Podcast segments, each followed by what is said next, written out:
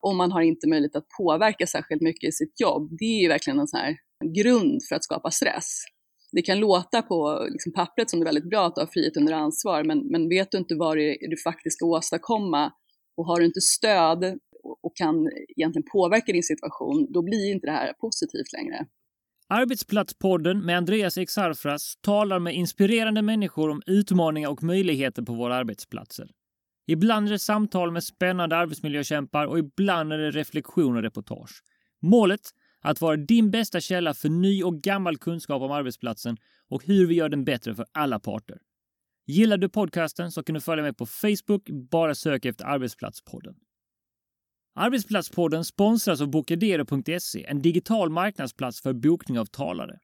På Bocadero.se kan du själv lägga ut en kostnadsfri annons att du söker en föreläsare inom till exempel arbetsmiljö och få förslag på upplägg med priser direkt från talarna. Det är bara att kolla in bocadero.se.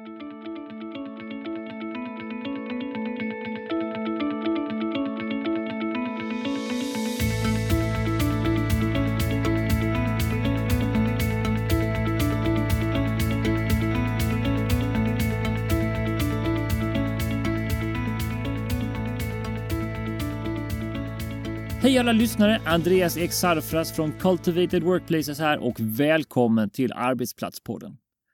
I svåra tider gasar man, låter ett gammalt djungelordspråk och det är precis vad Angela Nilén gör tillsammans med Teresa Acuna Lopez när de nu startar Culture by Design som bland annat ska guida organisationer i hur man skapar en vinnande organisationskultur med involverade medarbetare.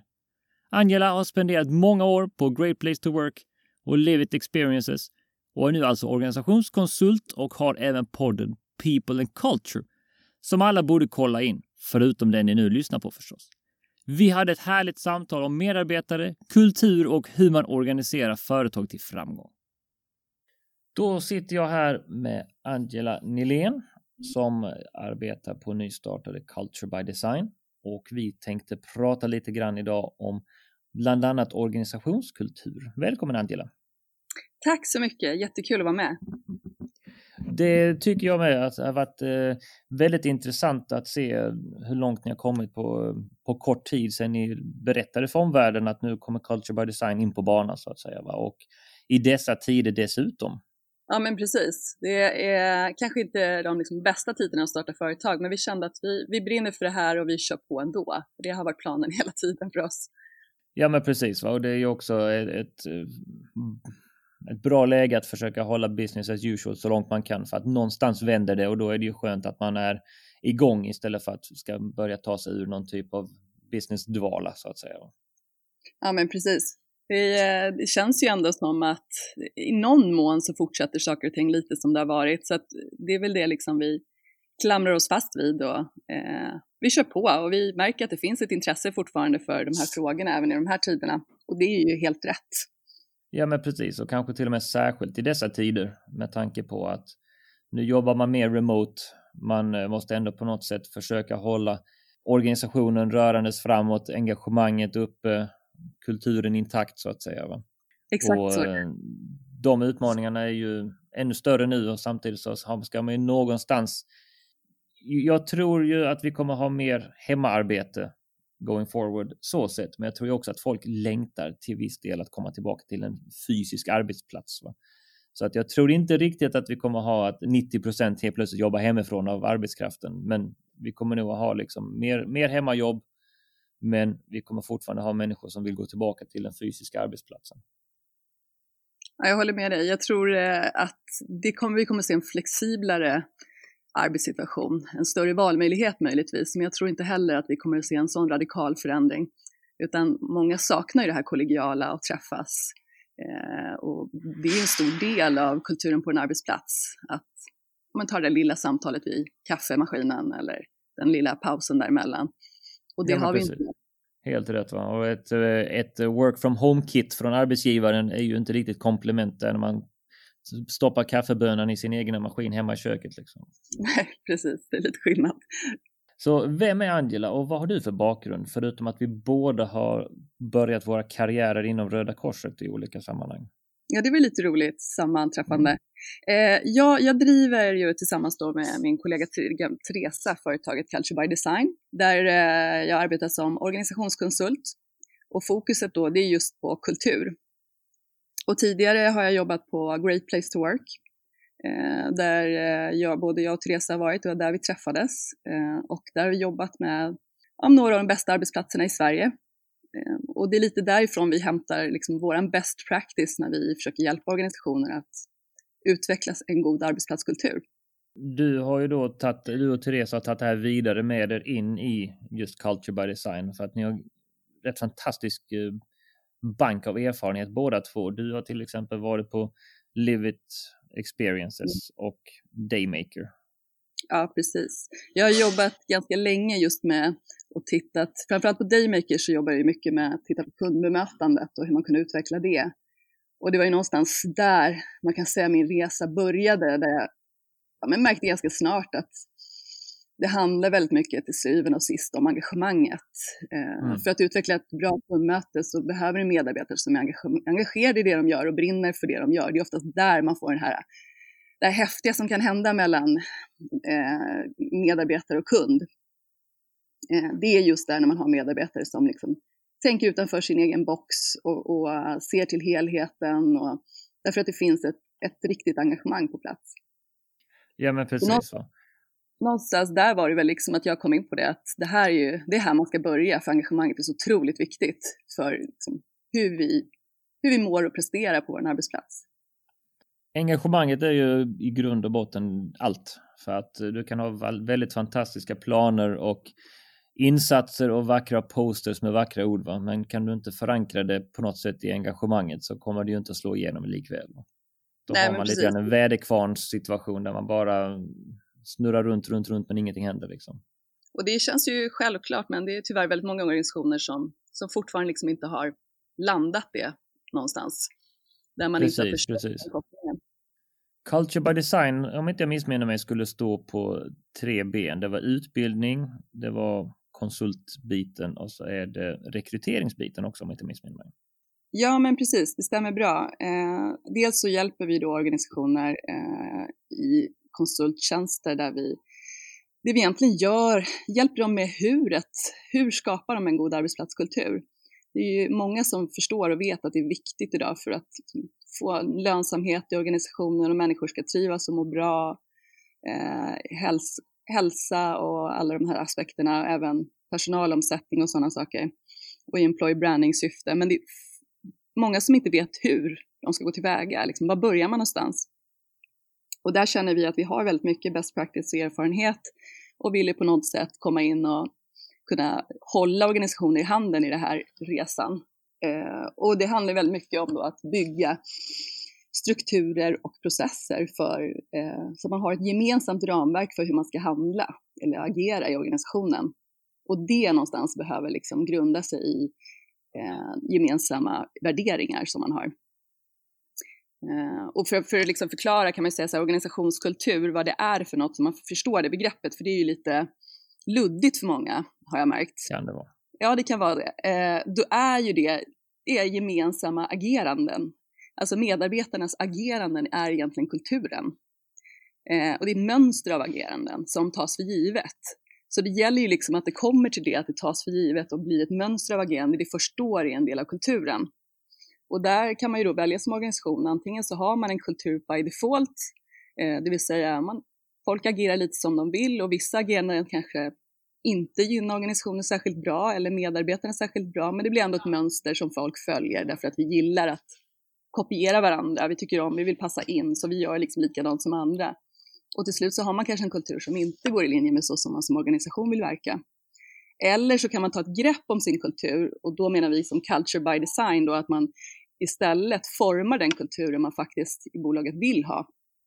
Eh, och det är ju då, så där har vi konsulttjänster vi hjälper till med, eh, eller så utbildar vi i hur man går tillväga, om man nu vill göra det här arbetet själv istället och ha kompetensen internt. Eller så kan vi rekrytera då kompetens för att driva det här arbetet internt. Precis, va? och kulturarbetet det ser man ju framförallt de gånger vi ser stora mergers och sammanslagningar, liksom att du ska, hur viktigt det är Att du kanske har ett företag som köper upp mindre verksamheter som har en helt annan kultur och så ska man någonstans få alltihopa synka mm. över fler individer som kanske kommer från flera olika kulturer så att säga. Va? Och där har man ju verkligen sin, en utmaning att få det att flyta på framåt. Ja men verkligen så är det ju. Och där är det ju någonstans att eh, i grund och botten eh, ja, men skapa då gemensamma sätt, ett gemensamt ramverk. Så det är två organisationer som går samman så behöver man ju se över vilka arbetssätt finns idag? Hur ska våra gemensamma arbetssätt se ut? Och vad, vad känner vi oss komfortabla med och vad, vad, liksom, vad kan vi stå för allihopa? Och det är där någonstans ja, kulturen skapas. Mm. Det grundar ju sig att man någonstans landar i en bra arbetsmiljö där alla trivs. Precis så är det. Och, det är ju så. och vad är då en bra arbetsmiljö i, i ditt tycke? Ja, men en, en, bra arbetsmiljö, det är ju då när man, man har några gemensamma grundvärderingar i organisationen som jag som medarbetare delar. Eh, och de ligger liksom till grunden då för struktur och processer som man skapar eh, för det sättet man ska jobba. Och det är en miljö där jag som medarbetare kan nå min fulla potential utan att det är på bekostnad av min hälsa. Så att det är ett, en miljö där jag egentligen känner att jag kan utvecklas och jag kan eh, få eh, bli bättre, ännu bättre på det jag gör, känna att jag blir sedd för det jag gör och, ehm, och har ett stöd när jag behöver. Och jag gillar just det här att du lyfter just den här hälsoaspekten. Att man ändå tar vid vid den. Det var ju faktiskt ett av de sätten jag gled in på det här med arbetsplatskultur och arbetsmiljön faktiskt. Att jag jobbade på ett callcenter i Danmark där man varje fredag belönade folk med danska kakor och dansk frukost, vilket gjorde att det var ju väldigt mycket socker, vilket gjorde att de fredagarna hade vi de sämsta siffrorna för folk hade dåligt tålamod och blev sura på varandra till exempel. Ja, för att det blev ett överskott av socker liksom. Va? ja. Och hälsoaspekten är det ju, har ju kommit mer och mer på sistone naturligtvis att man kan jag tror man kan väl till och med under vissa omständigheter få yoga och bowling och allt möjligt. Men man pratar mer och mer om den psykosociala arbetsmiljön, den mentala aspekten. Och tycker du, vad tycker du att utvecklingen går där när ni pratar med företag och annat? Är det liksom en förståelse för de här frågorna bättre nu än förr till exempel? Och är det någonting ni tittade på när ni jobbade till exempel med Great Place to Work och liknande? Ja, absolut. Jag tycker att det är en större förståelse eller man, man anser det vara viktigt på ett annat sätt idag. Eh, så det lyfts ju väldigt ofta. Eh, däremot så är det inte alltid organisationer ser kopplingen till vad som ligger bakom den psykosociala ohälsan. Eh, så där, ett, ett vanligt exempel det är ju, ja, men man tycker att man har frihet under ansvar som medarbetare och man eh, liksom kan tar väldigt mycket beslut själv och så vidare. Men så är det otydligt vad som förväntas av en och man har inte möjlighet att påverka särskilt mycket i sitt jobb. Det är ju verkligen en sån här grund för att skapa stress. Det kan låta på liksom pappret som det är väldigt bra att ha frihet under ansvar, men, men vet du inte vad det är du faktiskt ska åstadkomma och har du inte stöd och kan egentligen påverka din situation, då blir inte det här positivt längre. Så Nej, det här är en sån här aspekt som, som många organisationer inte riktigt förstår. Eh, så det, det, det, är inte bara det att du kan komma och gå som du vill som, som påverkar huruvida du mår bra på en arbetsplats, utan du vill ju veta vad du ska prestera för någonting eh, för att du kan göra dina prioriteringar rätt när det blir en hög arbetsbelastning. Precis, va? och det är ju där man kan känna att eh, kommunikationen blir än viktigare just med förväntningar kontra ansvar. Ja men verkligen så är det och där skulle jag säga att det är kanske en av de vanligaste man säga, felen eller misstagen, eller brister skulle jag snarare säga, i organisationer som jag har stött på, så är det just det, otydlighet. Alltså otydlighet i, i, vad som, i förväntningar. Det är en sån supervanlig återkommande grej att man behöver liksom tydliggöra, men vad, vad är det faktiskt, vad har jag för förväntan ifrån min eh, ledare? Vad är det jag ska prestera? Eh, liksom det, det tjänar ingenting till att ha liksom en massa uppföljningar så, så länge man inte har tydliggjort det här förväntansbilden. Då finns det liksom inga, inga väggar att röra sig mellan. Det blir väldigt, väldigt eh, påfrestande. Precis, och det ökar ju naturligtvis stress och annat. Ehm, den mentala aspekten där igen, liksom, att man inte riktigt vet var man ska ta vägen. Exakt, och sen finns det ju också även många, du pratade ju, eh, den fysiska liksom, hälsan påverkar ju, det vet man ju, det mentala nu för tiden och det, det har ju många organisationer anammat och lägger in eh, ja, men, träningspass eventuellt på arbetstid och så vidare och hittar olika sätt att stimulera rörelse, för det har man ju förstått superviktigt. Eh, och framförallt för kreativitet så har man ju bevisat att det finns en stark koppling till mellan rörelse och kreativitet. Så, att, så där tycker jag, där har man kommit kanske nästan längre när det gäller den fysiska aktivitetsbiten, men det här psykiska, den delen är fortfarande ganska omogen skulle jag säga. Men det bottnar väl i att vi fortfarande har svårt att prata om den psykologiska aspekten i många saker för att man någonstans känner sig extra svag när det handlar om hjärnan på något konstigt sätt. Vi kan acceptera fysiska begränsningar större än kanske så sätt psykiska tillfälliga begränsningar. Ja, det skulle jag, också, det skulle jag verkligen tro att det är. Det är och det finns en rädsla tror jag för att liksom lyfta på locket. Jag vet att jag hade en diskussion med en, en potentiell kund i mitt förra jobb som sa just det, men då var det diskussion huruvida de skulle göra en medarbetarundersökning eller inte. Och då svarade hon, men jag förstår, vi ska vänta med det här, för det är lite som att öppna a can of worms, sa hon. Mm. Uh, och då sa jag, ja, men du, du är medveten om att de där ormarna, de finns ju där oavsett om du öppnar burken eller inte. Men det är som att man, det finns en liten rädsla där för att lyfta på locket, släppa ut det, för då måste man ju hantera det. Och uh, annars kan man ju liksom sticka huvudet i sanden och låtsas som att det inte finns. Det är väl också därför man bara gör de här eh, medarbetarundersökningarna en gång om året. För att man visar att man lite grann, alltså nu är det kanske jag som är cynisk för att jag tycker det är mycket så det har använts där jag har varit. Va? Men man gör en medarbetarundersökning en gång om året. Man visar vi lyssnar. Men sen så har du då helt plötsligt ett hästarbete att göra. Okej, okay, nu ser vi här att från förra året till nu så är 40 procent mer missnöjda. När hände det? Och så ska man börja rota i det. Istället för att man kanske hade gjort en mer aktiv medarbetarundersökning där man gör någonting en gång i månaden eller en gång i veckan. Att folk får fem frågor på mail, sånt här liksom, till exempel. Som jag vet, till exempel här i Malmö så är det Bombay Works jobbar på det viset att deras anställda får, Eh, några av dem får mejl en gång i veckan när de ska svara på fyra, fem frågor tror jag. Och då ser man ju lite grann direkt när vissa förändringar man har gjort påverkar moral och engagemang så att säga. Va? Istället för att man ska börja att jag vet, 365 dagar att jobba med här där någonstans folk blir sura och bara tycker det var inte roligt att gå till jobbet längre. Mm. Jag tror, för jag som har jobbat med medarbetarundersökningar, jag tror att det, det ena utesluter nog inte det andra. Jag skulle snarare säga att det är liksom lite två olika saker. Jag tycker en årlig medarbetarundersökning, det ska snarare användas som ett strategiskt verktyg för att kanske se på större områden, fokusområden och se någon slags trend över tid och det här behöver vi jobba med för att liksom, den här processen behöver vi utveckla. Eh, Medan den här så kallade pulsmätningen, eller vad de kallas, de som kommer lite oftare, det, det är ju ett verktyg för att agera där och då. Eh, men oavsett så handlar det mycket om återkoppling och förmågan och kompetensen att jobba med materialet. Det tror jag. Ja, I stand corrected. Du har helt rätt. Eh, men det är just den här flexibiliteten ändå inför hur man ska jobba med det liksom kan väl mm. kan väl saknas lite grann ibland. Liksom. Att, som du säger, va? Du, du vet om att det finns åsikter som, som riskerar att brisera. Och det bästa är ju naturligtvis att öppna upp och, och jobba med dem. Ja, och ska vi vara lite snälla så ska man kunna säga också här som, som jag tror också är en, en sanning man kan säga är att många organisationer vet nog inte hur, för att vara helt ärlig, hur de ska jobba sig ur de här. Så de står med, med, med en massa information som de har fått av sina medarbetare, men har ingen aning om eh, vad, liksom, vad de ska ta för steg. Och det är lite det som, som vi försöker hjälpa till med nu, att ja, men, bidra med kompetens och, och kunskap i. Men hur gör man då? Liksom? Det är inte bara det här att ja, det är enkelt att vara bäst, men där man befinner sig i situationer, i olika problem och eh, man har svårigheter i kulturen, hur, hur gör man för att förändra det? Hur utvecklar man det till något positivt?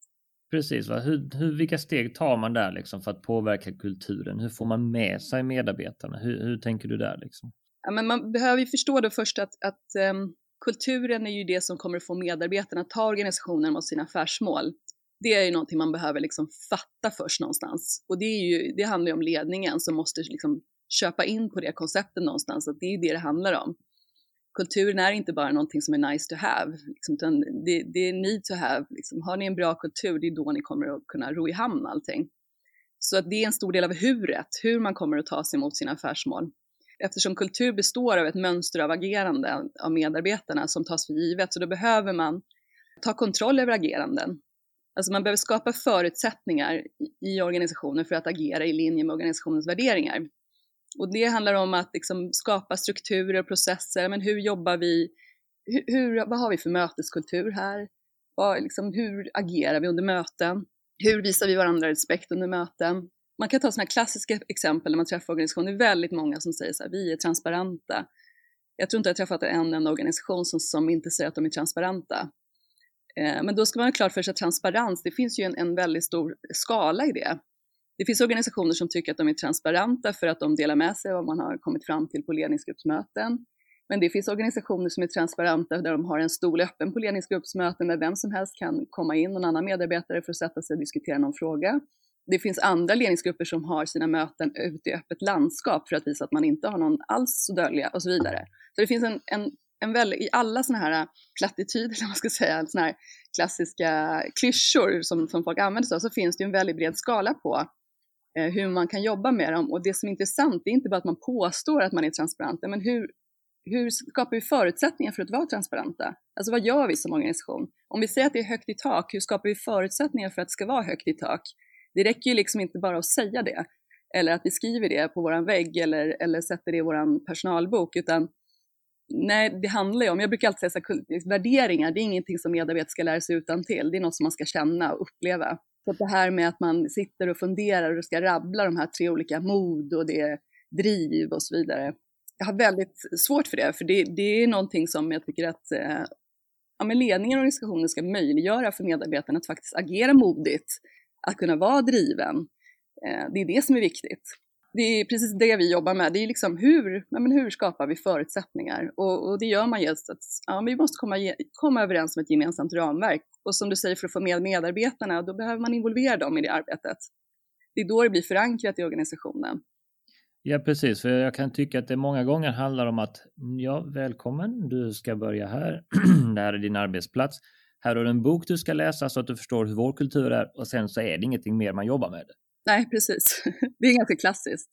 Eller ja. så står det fint i några tavlor på väggen eh, så att man ska liksom hjärntvättas med det på, mer, liksom, på olika sätt. Men det ja, men precis. Va? Lite Nordkorea sådär. Liksom. Ja. och det jag tänker på, alltså det jag har upplevt ja. när jag har jag varit på en del internationella verksamheter så har jag upptäckt liksom att när man då inte har den här äh, konstanta checken kanske då, liksom, eh, om man säger verkligen högt uppifrån, så skapas det väldigt lätt subkulturer. Mm.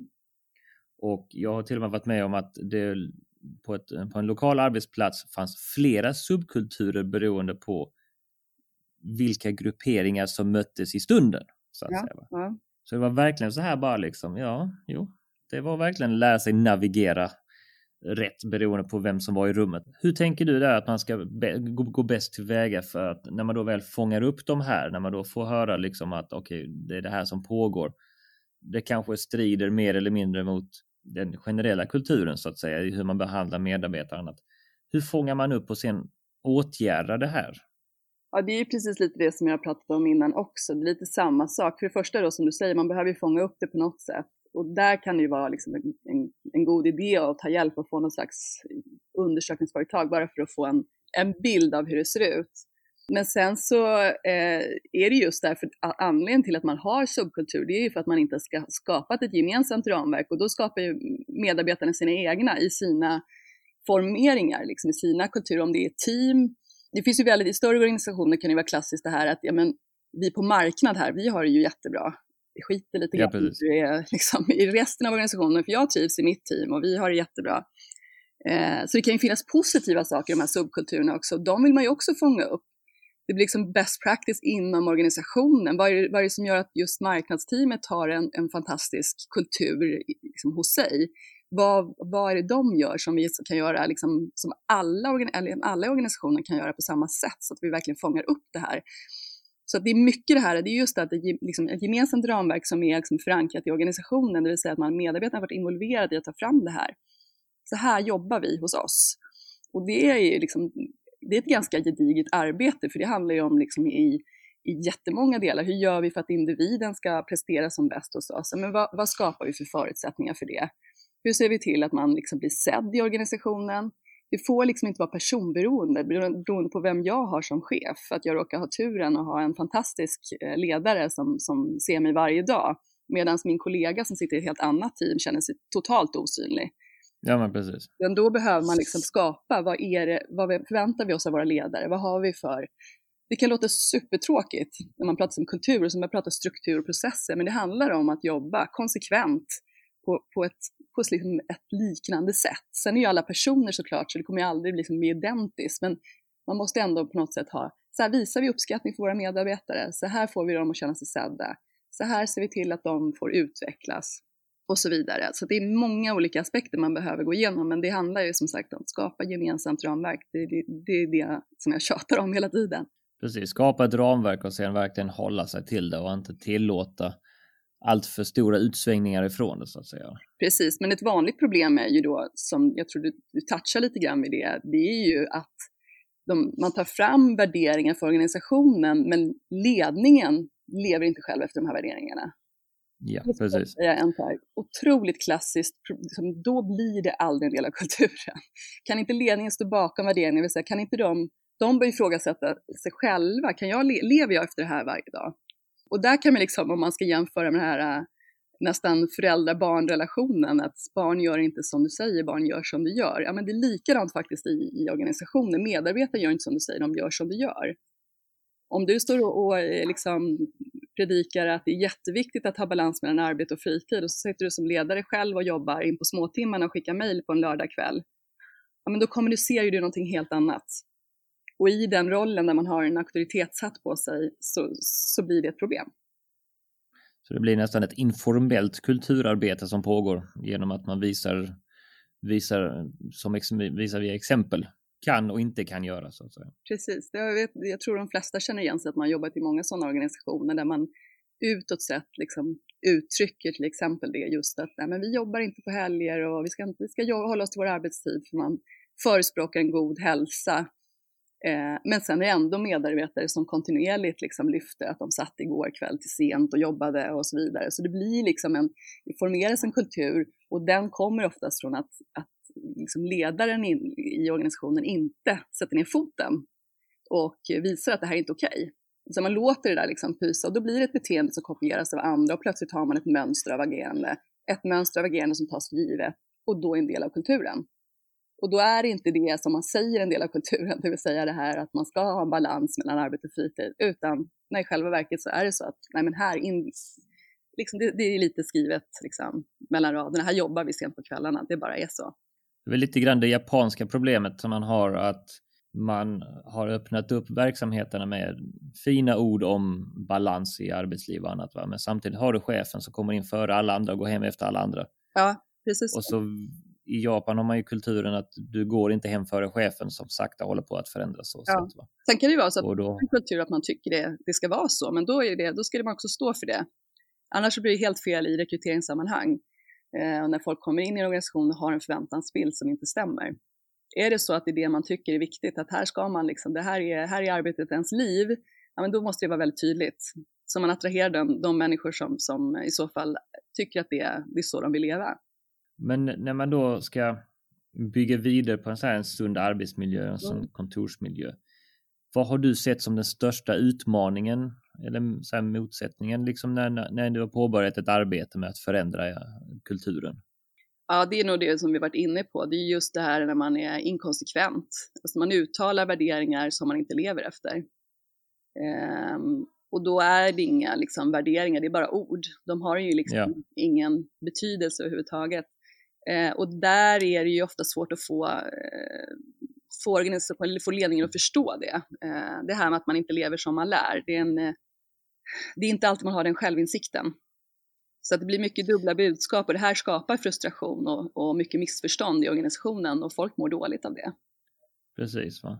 Jag funderar lite grann på, kan en enda usel ledare förstöra kulturen på en arbetsplats enligt dig? Jag skulle säga att det beror lite grann på storlek på organisationen. Alltså, är det en stor organisation så eh, har ju den naturligtvis då mindre inflytande på fler personer, färre, liksom, det blir färre personer som den kommer i kontakt med och då kanske det inte har lika stor påverkan.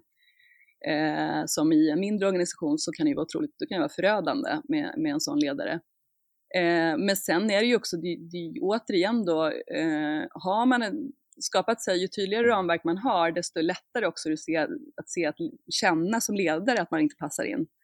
Alltså det, det, är liksom, det är också där någonstans man säkerställer att man rekryterar in rätt typ av ledare. Eh, jag brukade tidigare när jag jobbade på Great Place to Work och hade med kunder, vi pratade ledarskap, så var det många som vill göra sådana här eh, individuella ledare, de vill liksom, men vem är det, vilken ledare är det? Vi tittade på ledare många gånger i eh, övergripande perspektiv, så vi frågade om ledarskapet och inte närmsta chef. Vi kunde göra det i vissa sammanhang, men, men det var ofta att vi tittade liksom övergripande. Och mycket var ju för att vi vill titta på liksom, vad finns det för ledarkultur på organisation, i organisationen. Därför att, liksom, att bara pinpointa en ledare sådär, det, det handlar ju också någonstans, hur, har, hur kommer det sig att det ens förekommer i organisationen? Det finns ju någon problem om det här är ett förekommande i flera ledare att man ja, beter sig på ett negativt sätt, ett sätt som uppfattas ja, som negativt av medarbetarna. Och då behöver man ju se liksom, vad har vi, liksom, varför når vi inte fram? Om man nu har satt en struktur och process för hur man som ledare ska jobba. Men oftast är det där problemet är. Man har kanske inte tydliggjort vad man har för förväntningar även på ledarna. Vad, vad, hur, hur vill man att man ska leda organisationen? Det är väldigt få som har frågat, liksom, frågat sig det.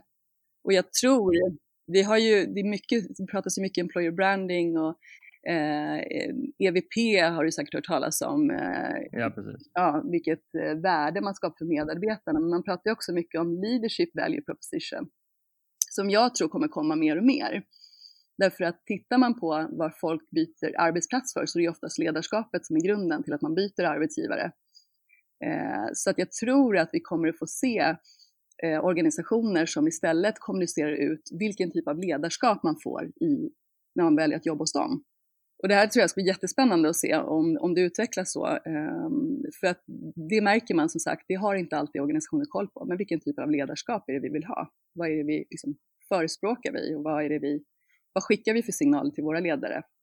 Vad, vilka beteenden är det vi, vi lyfter och uppskattar och vilka är det vi, vi faktiskt um, tycker är sämre? Och där kommer sådana saker som språket och ordbruk eh, in rätt mycket, vad man skickar för signaler i sitt ledarskap till exempel. Ja, verkligen, det är absolut jätteviktigt att förstå kommunikation och hur man kommunicerar och att olika medarbetare vill ju också ta till sig information på olika sätt. Det är också någonting som, som ibland är svårt för organisationer att förstå. Vi, vi är ju olika som människor. Det finns ju de som har väldigt lätt i större öppna forum att räcka upp handen och, och liksom ställa sin fråga rakt ut oavsett om den är ganska kritisk. Medan andra kanske föredrar ett enskilt samtal. Eh, det finns andra som kanske vill, vill mera kommunicera skriftligt och så vidare. Så det, det behöver man tänka på också som, som ledare, absolut. Kommunikationen och ordvalen, definitivt hur man, ja, hur man kommunicerar mot sina, sina anställda. Det handlar ju lite grann om att lära känna sin crowd där också. Va? Jag har varit med om att hört exempel på ledare som använder ganska grova svordomar i en grupp med ganska milda individer. Ja. Där man liksom, där människor blev liksom chockade efter varje gång den här ledaren uttalat sig för att det var så grova ord och beskrivningar som liksom inte riktigt gick att gömma sig ifrån. Nej. Så här va. Och då står man där liksom och tänker att det här, det här disconnecten mellan vem ledaren är kontra vem man leder kan ju ha ganska förödande konsekvenser i sådana sammanhang. Va? Ja, verkligen. Det finns ju mycket studier på det där också, att vi, vi följer gärna personer vi kan identifiera oss med. Så det är väldigt viktigt att förstå vilka du, vilka du har framför dig, vilka du jobbar tillsammans med som ledare.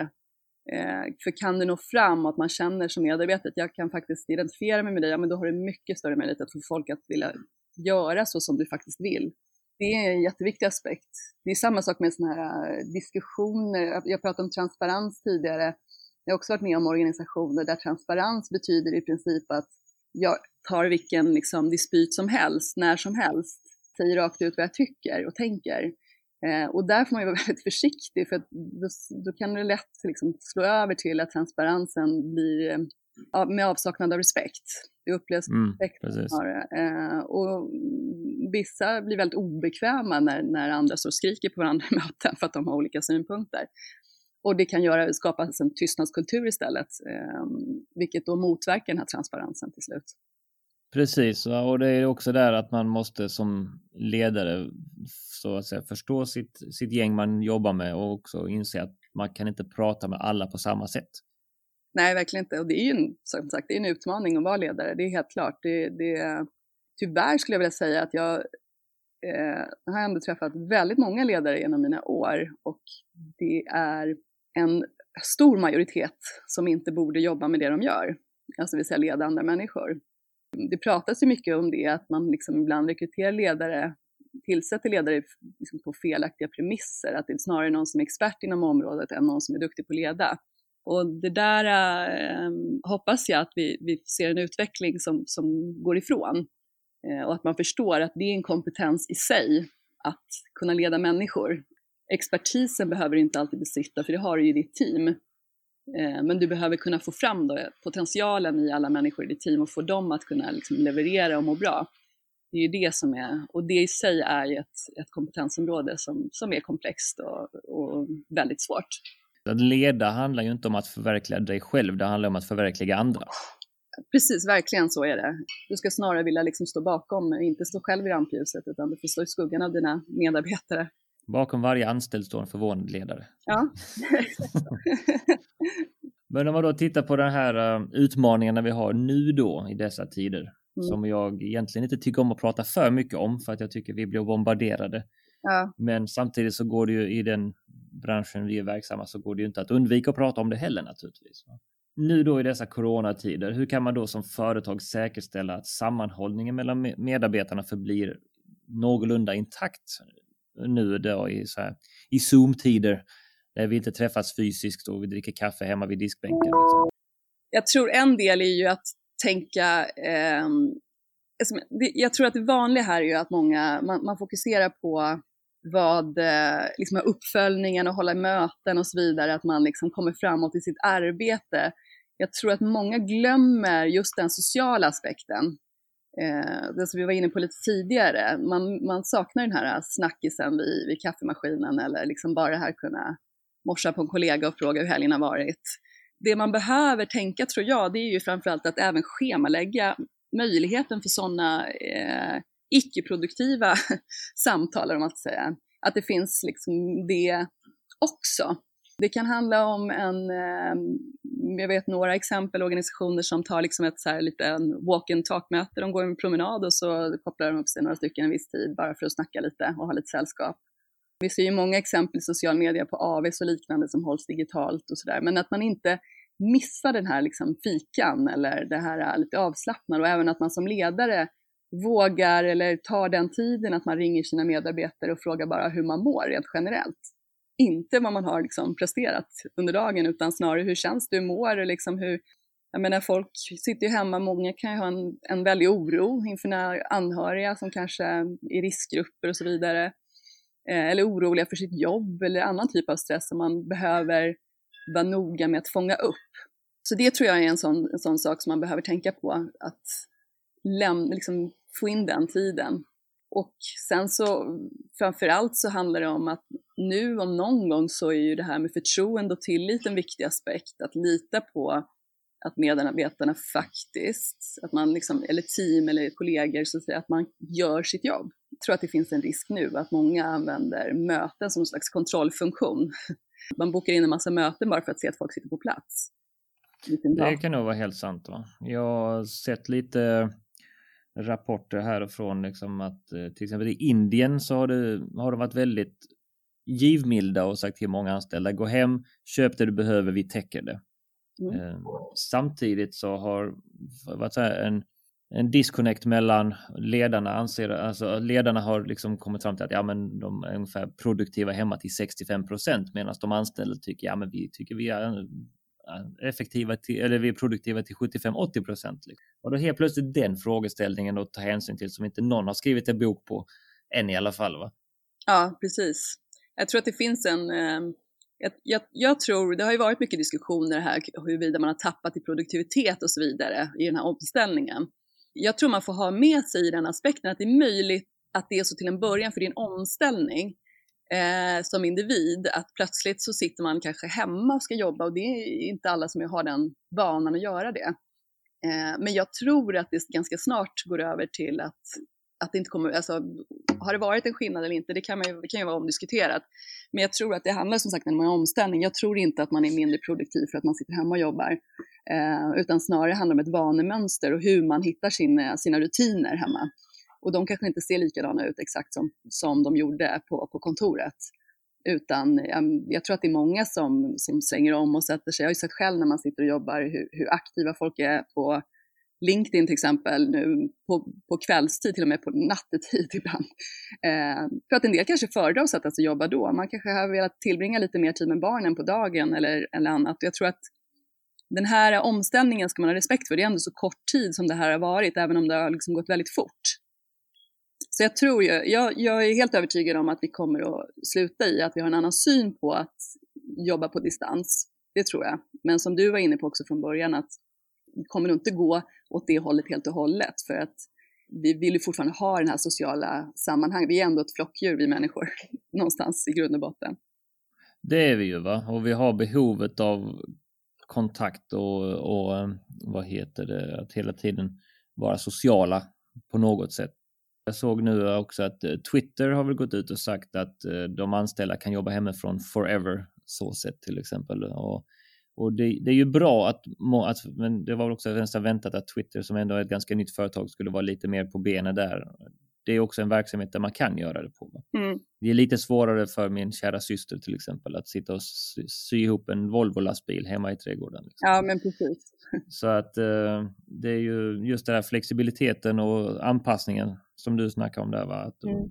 Ja, nu har vi också tider där det räcker att ett av de två barnen på förskolan har lite snörvel på morgonen så helt plötsligt har du två barn hemma och så ja, då blir mm. det kvällsjobb många ja, gånger. Liksom. Precis. Jag, jag tror ju något som också kommer ändras är ju kanske då resandet. Jag tror att eh, många har nu vant sig vid den här digitala mötesformen på ett annat sätt. Och det blir kanske inte lika självklart att man måste ses fysiskt när man befinner sig på olika geografiska orter, utan det går lika bra att ta mötet digitalt. Och den trenden har vi redan sett att den har liksom satt igång tidigare, men nu tror jag den får en, en, en väldig skjuts. Så att eh, jag till exempel har ju pendlat mycket till Göteborg och, och även liksom, ja, men Västra Götaland överhuvudtaget i mitt jobb tidigare. Nu känns det ju nästan så lite konstigt att tänka att varför ska jag göra det när jag kan ta mötet eh, digitalt istället. Så att den biten tror jag kommer förändras mycket. Ja, det är också den biten jag känner mest excitement inför, liksom att man faktiskt, man faktiskt skippar att resa två timmar för att ha en, en timmes möte i en annan stad långt bort. Liksom. Ja, precis. Det, det, det externa möten där tror jag det är otroligt mycket onödigt resande. Man tänker på alla inrikesflyg till Malmö från Stockholm och så vidare. Helt rätt va och jag vet ju också att webbkameror och annat har ju sålt slut nästan totalt nu i dessa tider va? så att tekniken har vi ju. Mm. Det gäller ju bara liksom att, uh, att fortsätta använda den efter. Ja, precis och jag tror det handlar ju om som sagt hur länge det här pågår för då en vana, det tar ju lite tid för, en, för, för det att bli en vana så att säga. Men jag tror just nu att tidigare var man kanske lite obekväm med att sitta i en videokamera och prata med någon. Eh, nu, nu känns det ju som ja, man gör det varje dag, det är inga konstigheter alls. Nej, precis, precis. Det här är kanske en liten elak fråga på ett sätt, men ja. bryr sig arbetsgivarna plötsligt mer om sina anställda nu när man inser hur viktiga de faktiskt många gånger är för verksamheten? Eller har man fått ett litet uppvaknande liksom i ledar, på ledarnivå att ah, det kanske är som så att vi behöver andra människor för att det här ska fungera också? För jag kan tycka att många företag har blivit lite tagna på sängen till viss del av av situationen, alltså för, som oss alla, men just det här att man har liksom någonstans börjat uppskatta de anställda mer. Till, alltså ja, ja, ja, jag förstår vad du menar. Jag tror nog inte att så är fallet. Jag tror att det snarare handlar om att vi befinner oss i en ny situation och det skapar en viss eh, oro till liksom hur det fungerar och en ovana i det snarare som, som kan te sig som att det skulle verka som att man bryr sig mer. Eh, jag tror nog att, jag skulle säga om jag tänker på organisationer jag träffat där man märker, där man har en organisation där man verkligen bryr sig om sina medarbetare kontra organisationer där man kanske har mer ett eh, synsätt att alla är utbytbara. Jag skulle inte tro att det har förändrats eh, hos några insikter hos de som de organisationer man tyckte att medarbetare var utbytbara så tror jag man tänker likadant nu också. Ehm, den, jag, jag, nej, jag tänker att jag tror inte den frågan, det har förändrats något faktiskt.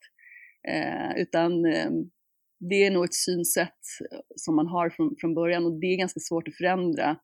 Eh, det är först när det riktigt liksom eh, börjar svida ekonomiskt som, som man kanske börjar fundera kring de frågorna.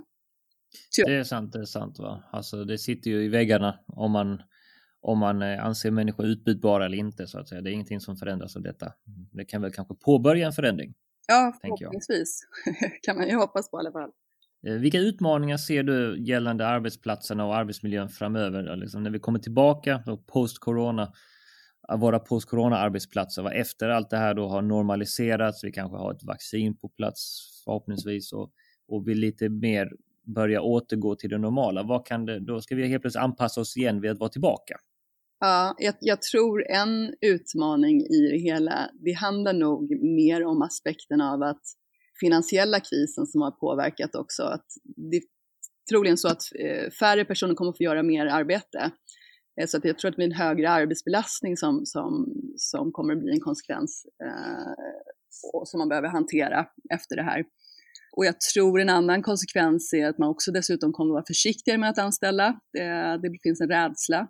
Men, men jag tror också, eh, som sagt, som jag sagt, och det, det, det positiva med det, att man kanske får en, en annan syn. Det blir flexibil, en högre flexibilitet i, i alla fall inom tjänstesektorn och yrken där man har möjlighet att eh, vara lite mer rörlig. För många i alla fall kan vara positivt, för det ska vara klart för att alla tycker ju inte att det är eh, önskvärt att, att jobba på det sättet. Men, men, nej, men så jag, jag, tror att det största man behöver hantera efter det här, det är nog det, just hur hanterar man och att, att man liksom förlorar kollegor kanske som, som eh, har fått gå på grund av det här. Och plötsligt så ska man då hitta sin organisation igen där, eh, där man är betydligt färre då i många sammanhang. Precis, va? man kan ha förlorat nyckelmedarbetare som var drivande i i gemenskapen till exempel, ja. som var liksom en del av kittet som höll det samman. Ja, verkligen, så kan det absolut vara. Eh, så att man får nog tänka utifrån kulturperspektivet, så som jag jobbar med, så behöver man nog se över igen de rutiner man har, det arbetssättet man har. För det, det eh, är nog en stor sannolikhet att, att det behöver förändras efter eh, corona. Precis, man måste planera återgången helt enkelt. Ja, det, det, tror jag verkligen. Det är inte bara att öppna dörren och säga välkommen tillbaka. Nej, och det gör man ju bäst med att involvera medarbetarna. Det måste jag verkligen understryka för att det är inget man ska göra i ett ledningsgruppsrum med stängda dörrar utan där behöver man ta in medarbetarna och fånga upp vad är det de känner, vad är det, liksom, vad är det de ser för utmaningar själva i det här och hur, hur gör vi det här på bästa sätt så att vi tillsammans kan liksom nå dit vi ska. Precis, och det är väl egentligen där där allting handlar om. Vi har en gemensam väg framåt nu genom det här va? och det gäller att alla, alla man och kvinnor på däck så att vi fixar detta nu liksom och så kan vi alltid planera återgången och se till att vi får någon typ av normalitet i det nya. Exakt. Och man ska aldrig, jag brukar säga man ska inte underskatta medarbetares liksom vilja att hjälpa till i svåra situationer. Vi har också massa exempel på organisationer som har men haft det svårt ekonomiskt och behöver liksom göra vissa, ja, ta vissa, vidta vissa åtgärder och istället för att liksom ta de här besluten rakt upp och ner, att vi säger upp folk eller så, vi gör det här, så har man involverat medarbetarna till att liksom, man ger dem rätt bakgrundsinformation. Och eh, vet ett exempel där medarbetarna istället valde att avstå en månadslön för att liksom hämta hem ett negativt resultat istället för att man skulle säga upp folk. Och det var ju liksom ganska oväntat ifrån ledningens håll att det skulle komma som ett förslag. Involvera medarbetarna, det är liksom en, en otrolig styrka att se dem som en resurs i, i beslutsprocessen. Det tycker jag är någonting som jag verkligen vill att folk ska ha med sig. Lojalitet och förtroende går båda vägarna. Ja, verkligen. Angela, det har varit super att prata med dig. Eh, verkligen lärt mig en hel del nytt och eh, jag tänkte vi kanske skulle avsluta lite grann här med om du hade några korta arbetsmiljötips som lyssnare kan ta med sig och börja implementera nästan med detsamma. Ja, jag tänkte så här, det, det är bland annat det som jag pratade om, att utmana transparens. För att våga vara transparens och berätta hur saker ligger till. Och det är också väldigt eh, aktuellt i de här tiderna, när det finns en väldig oro. För, för det är så, berättar man inte hur saker verkligen ligger till så, så då får man ett eh, kunskapsgap hos medarbetarna och då fyller man i det själva. Och det, där vill man inte befinna sig som organisation. Så att jag skulle säga, våga utmana transparensen. Eh, tycker jag är en sån jättebra grej för, för att få medarbetare att känna sig inkluderade. Och sen som jag pratade om involvering, skapa delaktighet. Medarbetare mår bäst om de känner att de kan vara med och påverka sin arbetssituation. Men det gäller att involvera liksom relevanta personer så att man inte går, går överstyr och att det blir någon slags, vi ska alla ta beslut om det här och, och, alla ska tycka lika. Det är inte det det handlar om, utan det handlar om att man ska få lämna input om det berör en. Och sen visa omtanke. Tänk på att man är inte bara medarbetare, man, man har ju flera roller. Man är förälder, man är barn, man är kompis, vi är ju liksom en helhet. Jag tror att eh, det är ett väldigt snävt synsätt att tro att man som medarbetare kopplar bort resten av sin personlighet bara för att man är på, på sitt arbete. Än mindre nu när man faktiskt sitter i sitt hem. Eh, så visa omtanke för, för att liksom lyssna och vara även intresserad av medarbetarnas liksom privata jag. Det, det kan göra väldigt mycket för motivationen. Och sen sista skulle jag vilja säga är visa uppskattning.